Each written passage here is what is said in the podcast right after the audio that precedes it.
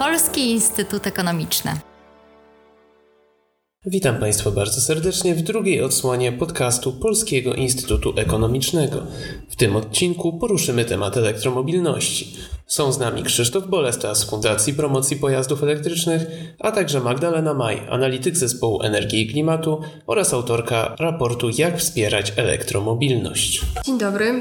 Będziemy dzisiaj rozmawiać o elektromobilności e, w kontekście raportu, jaki został niedawno opublikowany przez Polski Instytut Ekonomiczny. E, z naszych badań e, wynika kilka następujących tez.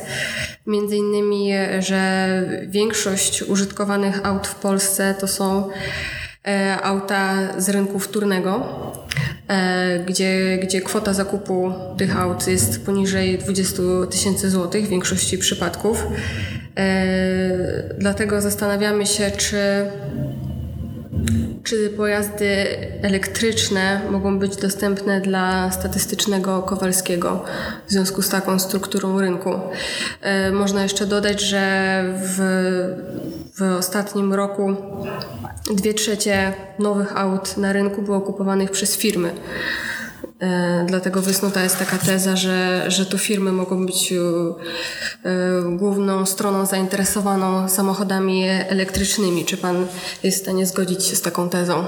Jak najbardziej zgadzam się z taką tezą, e, dlatego że struktura rynku samochodów osobowych wygląda dokładnie tak, jak pani powiedziała, czyli zdecydowana większość, to jest nawet około 75% rynku, to są samochody służbowe tych nowych, nowych samochodów.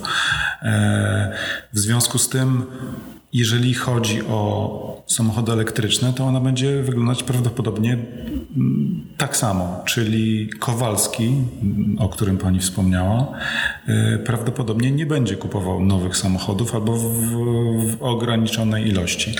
E, dlatego jakiekolwiek systemy wsparcia powinny być nakierowane na ten rynek flotowy.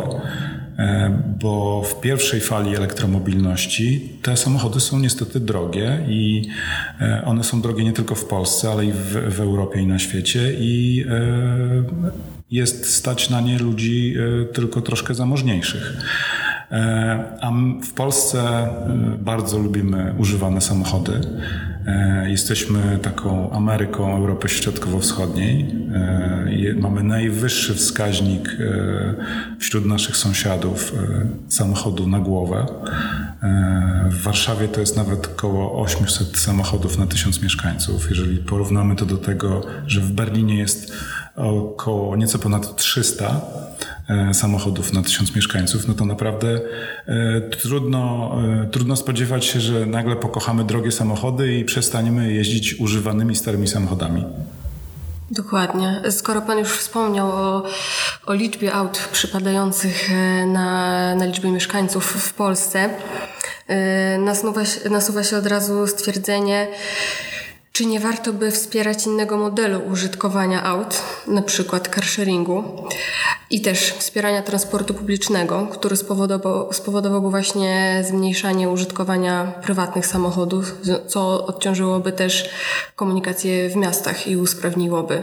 I tutaj e, samochody elektryczne już e, stanowią około 17% y, floty carsharingowej w Polsce. Y, dlatego jest to też y, szansa dla rozwoju elektromobilności.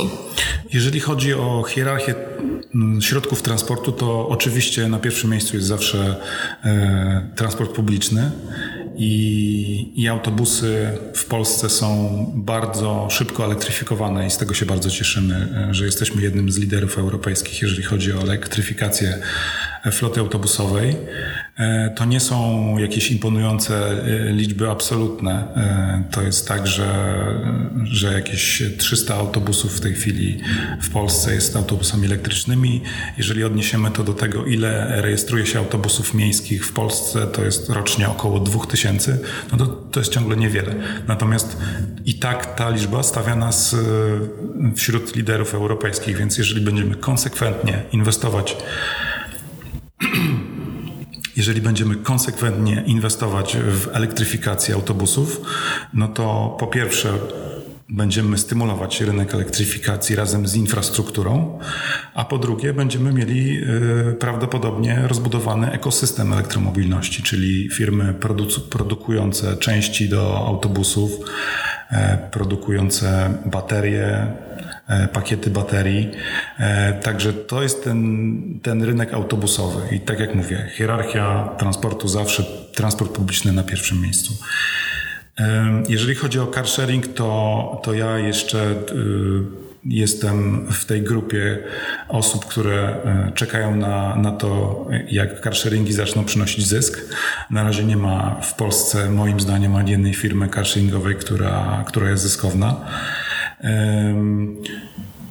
Trzymam za nich wszystkich kciuki. To są na razie wszystko, można powiedzieć, pilotażowe projekty albo demonstracyjne projekty, które eksperymentują i z samochodami elektrycznymi, i z tym, jak się konsumuje usługę transportu. Ale oczywiście y, z punktu widzenia y, ekonomii, no to lepiej jak używamy samochód y, w systemie sharingu niż, niż posiadanie go na własność. E, To akurat pani dobrze wie, że każdy samochód e, stoi w, e, nieużywany przez około 95% czasu, więc, więc to jest jedno z chyba na, najgorszy zakup z punktu widzenia efektywności ekonomicznej. Ostatnio słyszałem, że, że samochód jest na drugim miejscu, na pierwszym miejscu jest wiertarka.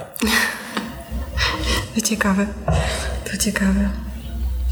E, tak, tylko że z, z autobusami na polskim rynku mamy, mamy takie statystyki, że mamy około 120 tysięcy autobusów ogółem, e, z czego około 12 tysięcy to autobusy miejskie. No i teraz autobusy elektryczne rzeczywiście rozwijają się tylko w obszarze miejskim. Jakby jest pytanie, kiedy i czy nastąpi ten rozwój we flocie autobusów międzymiastowych, bo, bo tutaj też to powinno być szczególnie w Polsce zaadresowane, gdyż mamy około 50% autobusów ogółem z tych 20 120 tysięcy, które są w wieku powyżej 20 lat. No i w 94% to są autobusy e, na olej napędowy. Także są już, e, są już autobusy wśród e, koncernów motoryzacyjnych, które są dedykowane na, na dalekie trasy, czyli, czyli autobusy międzymiastowe i takie autobusy już funkcjonują i w Niemczech i we Francji i teraz należałoby czekać, że, że taka flota też zostanie wprowadzona w Polsce. To prawda, że dzisiaj ten wysiłek elektryfikacji autobusów koncentruje się na tych autobusach miejskich, dlatego że e, łatwiej jest, z, że tak się wyrażę, ogarnąć ten problem ładowania, bo one mogą się ładować albo na krańcówkach, albo wręcz e, na trasie, na, na, na, na przystankach. Natomiast e, jeżeli chodzi o auto, autokary międzymiastowe, no to, to już jest troszkę, troszkę trudniejsze, dlatego że taki autokar, żeby ja, ja, e, jechać bez przerwy, z, na przykład z Warszawy do Gdańska, no to musiałbym mieć e, ogromną baterię, która byłaby ciężka, droga. E, A gdyby, gdyby musiał się zatrzymać na, na doładowanie, no to pasażerowie myślę, że byliby mm, no, lekko zdenerwowani, że, że, nie są, że nie są szybko, e, że nie przemieszczą się szybko z punktu A do punktu B. E, Ale moim zdaniem w Polsce, jeżeli mówimy o, o polityce klimatycznej, która na pewno będzie, będzie oddziaływać na politykę transportową, to yy, no dzisiaj transport y, drogowy jest troszkę, korzysta z infrastruktury troszkę na gapę. Yy, Autokary nie płacą za wykorzystanie infrastruktury drogowej, oprócz tego, że płacą podatek yy, w benzynie czy w ropie. Yy, No i moim zdaniem strategia transportowa państwa, która będzie uwzględniać też cele polityki klimatycznej, no będzie pewnie zmuszać trochę mm, przerzucanie pasażerów z autokarów na pociąg. E, Więc tak naprawdę to, że jedziemy dzisiaj, e, że ktoś chce jechać autokarem z Warszawy do Gdańska, a nie pociągiem, to to wynika z tego, że, że ceny za, za bilet autokarowy są, e, nie odzwierciedlają kosztów wszystkich. Wspominał Pan też o czasie ładowania i o zniecierpliwieniu pasażerów podczas oczekiwania. E, Jeżeli zobaczymy na infrastrukturę ładowania samochodów elektrycznych, wr- wracając znowu do tego typu pojazdów, to według e, naszych danych e, na 1000 km2 w Polsce mamy około 3 stacje ładowania. Dla porównania w Holandii jest to około 990. E, stąd też naszym postulatem był szybszy rozwój stacji ładowania. O dziwo w, mamy dosyć sporo ładowarek o dużej mocy, czyli powyżej 22 e, kW. To jest rozwój szybszy niż e, był przewidywany, bo jest to prawie 500 ładowarek. Niestety ładowarki o normalnej mocy, to znaczy poniżej 22 kW, nadal nie są rozwijane w stopniu e, wystarczająco zadowalającym do, do rozwoju elektromobilności. Pojawiały się też e, dyskusje na temat czy pierwsza powinna powstawać infrastruktura, czy w pierwszej kolejności powinna się rozwijać flota e, samochodów elektrycznych, czyli tak zwany dylemat pierwsza kura czy jajko. No, naszym zdaniem w transporcie zdecydowanie pierwszy powinien następować rozwój infrastruktury, żeby pokonać e, tak zwany range anxiety, czyli, czyli barierę e, uniemożliwiającą pokonanie zaplanowanej trasy. Dodatkowo uważam, że, że te ładowarki powinny być e, planowane przy samych e, trasach szybkiego ruchu, tak żeby nie wymagały mm, niekomfortowego zjazdu, e, dalszego dojazdu do, do stacji ładowania. E, stąd, e, stąd właśnie nasz postulat, żeby wspierać poprzez regulację e, rozwój ładowarek, ładowarek w Polsce. Czy, czy z takim postulatem się Pan zgadza? Jeżeli chodzi o to, o wspieranie regulacyjne, to jak najbardziej. Wydaje mi się, że jest jeszcze sporo do zrobienia, żeby, żeby ułatwić budowę ładowarek. Jeżeli chodzi o wspieranie pieniężne, czy grantami, to moim zdaniem to jest e, e, nie do końca, e, nie do końca potrzebne, dlatego że flota będzie się rozwijać organicznie razem z rozwojem infrastruktury, czyli, czyli popyt na usługi ładowania będzie pchał inwestorów do tego, żeby, żeby te ładowarki budować. E, jeżeli zobaczymy, jak rozwijała się infrastruktura stacji benzynowych, no to państwo nie budowało tych stacji benzynowych. To było tak, że, e, że kierowcy potrzebowali miejsc do, do tankowania, no i, e, no i producenci czy dystrybutorzy budowali te stacje benzynowe. Więc, więc to, co dzisiaj obserwujemy w tych szybkich ładowarkach, o których pani powiedziała, to jest dokładnie to, że, że są firmy, które mają kapitał, i inwestują w te stacje e, ładowania za, za własne pieniądze albo czasami za granty europejskie i w oczekiwaniu na flotę, ale wydaje mi się, że, że wydawanie pieniędzy publicznych na ten, na ten sam cel no to byłoby troszkę dublowaniem tego, co robią inwestorzy. Jeżeli oni już zdecydowali, żeby rozwijać infrastrukturę szybkiego ładowania, to to bym im zostawił. Jeżeli chodzi o te wolniejsze ładowarki, to problemem jest też troszkę struktura rynku, dlatego że, że jak dzisiaj, e, że dzisiaj posiadacz e, auta elektrycznego ma bardzo dużo możliwości załadowania się za darmo. W związku z tym żaden inwestor nie wejdzie w ten rynek, bo, bo konkurencja z darmowego prądu jest tak duża, że, że on nigdy na tym nie zarobi. E, dlatego no, nie można tego regulować, nie można zmusić do tego, żeby ktoś nie, nie dawał prądu za darmo, więc e, no, wspieranie państwa tej infrastruktury mm, wolniejszego ładowania byłoby troszkę ryzykowne. Niemniej jednak infrastruktura ładowania pojazdów elektrycznych powstaje w przeciwieństwie do infrastruktury ładowania pojazdów wodorowych. E, wodór został też ujęty w tak zwanej ustawie o elektromobilności, jednakże chyba została mu przyznana mniejsza uwaga niż e, pojazdom bateryjnym. I stąd, stąd jest też pytanie, czy wodór może być technologią przyszłości w transporcie i jeżeli tak, to w jakim segmencie pojazdów? Czy to będzie też e, technologia konkurencyjna dla e, samochodów bateryjnych, czy, czy komplementarna? Moim zdaniem komplementarna na pewno i trzeba pamiętać też, że samochód y, o napędzie wodorowym też jest samochodem elektrycznym, bo one mają e, też silnik elektryczny, tak, tylko po prostu inne, tak, inne źródło zasilania.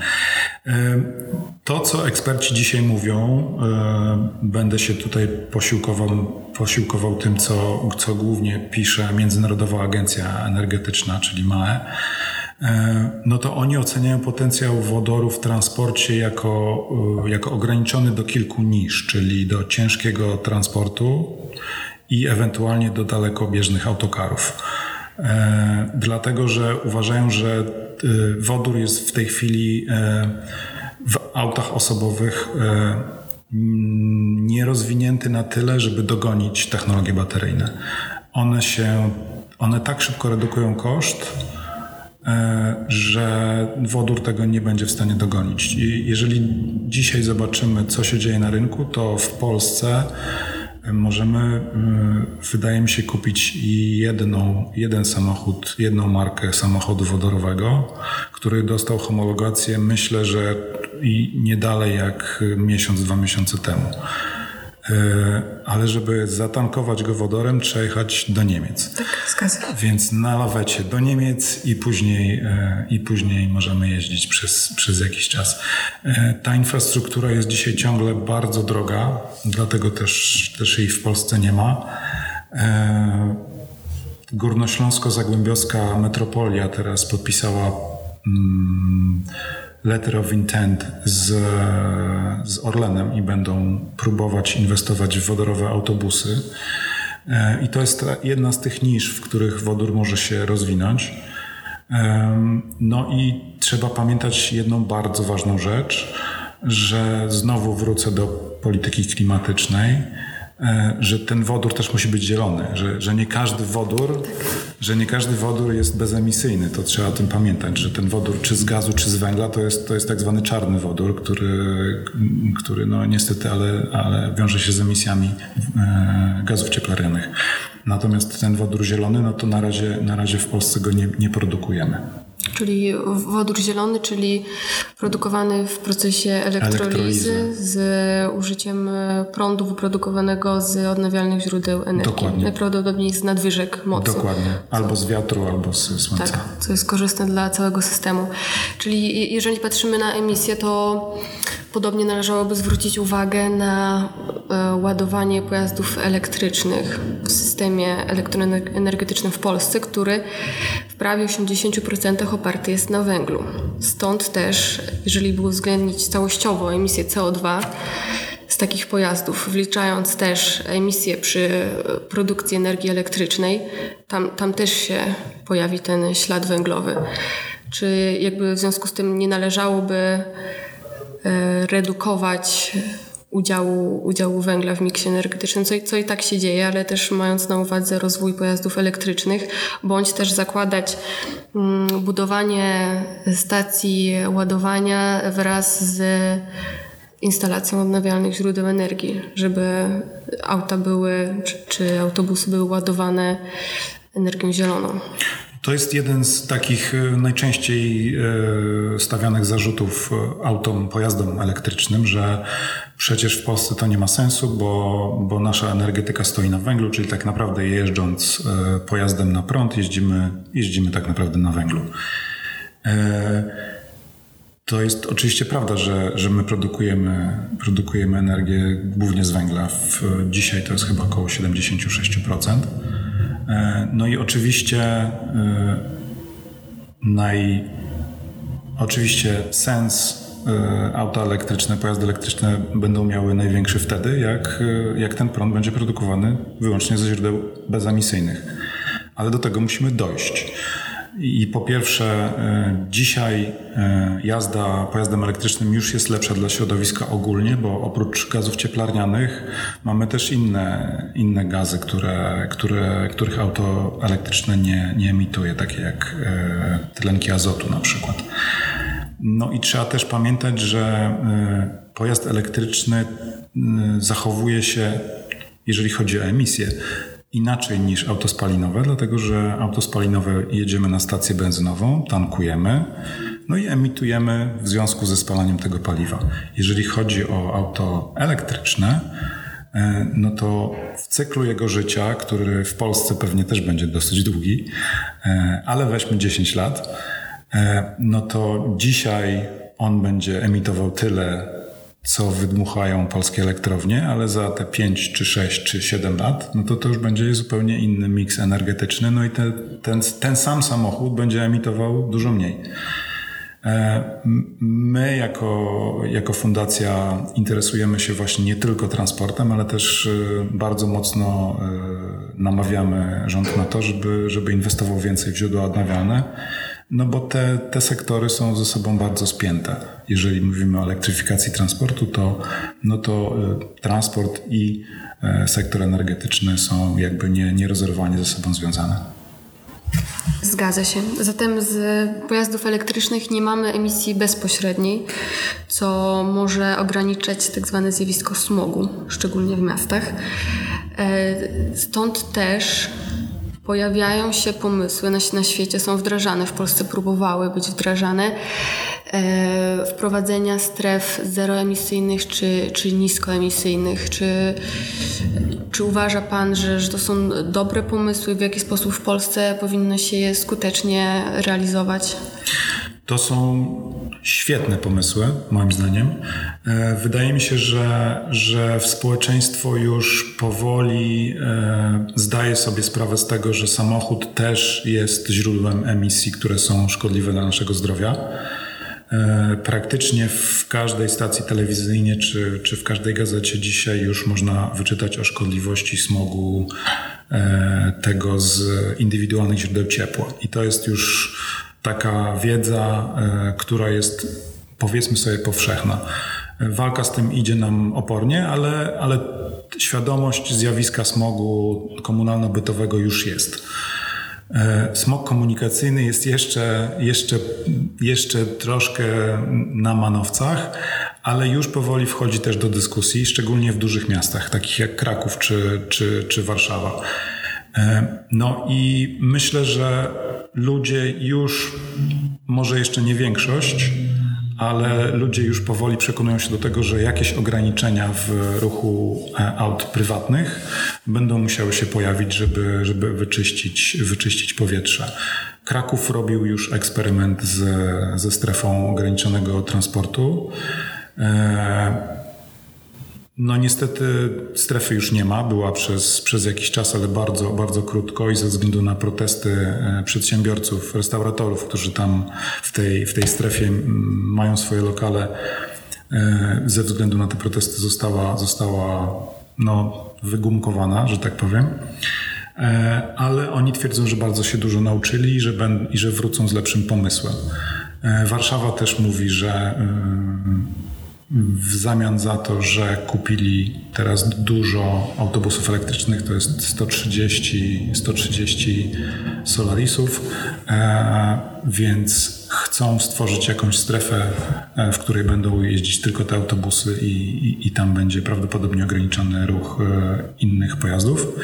Więc na pewno jest to, jest to jakiś trend, który będziemy widzieć coraz mocniej.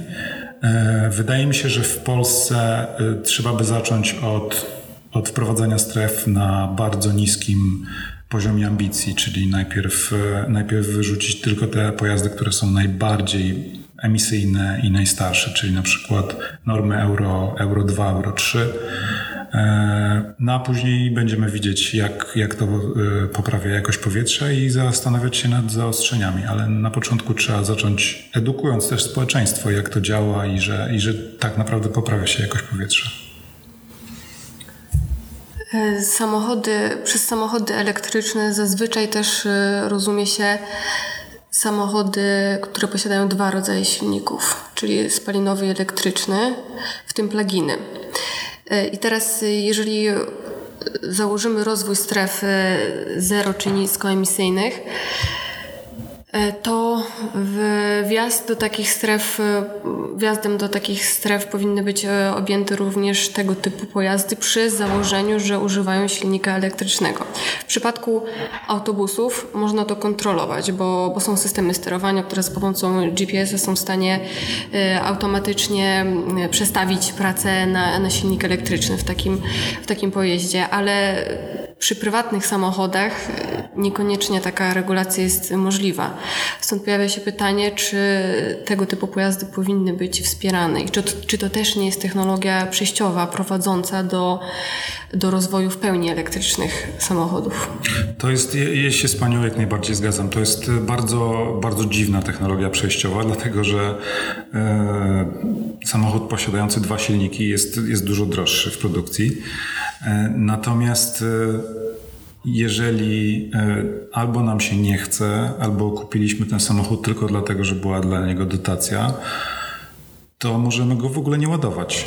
Możemy jeździć cały czas tankując benzynę albo, albo diesla. Czyli, czyli jest to technologia, której ja zupełnie nie, nie lubię i uważam, że, że, że finansowanie jest, jest no, nie na miejscu.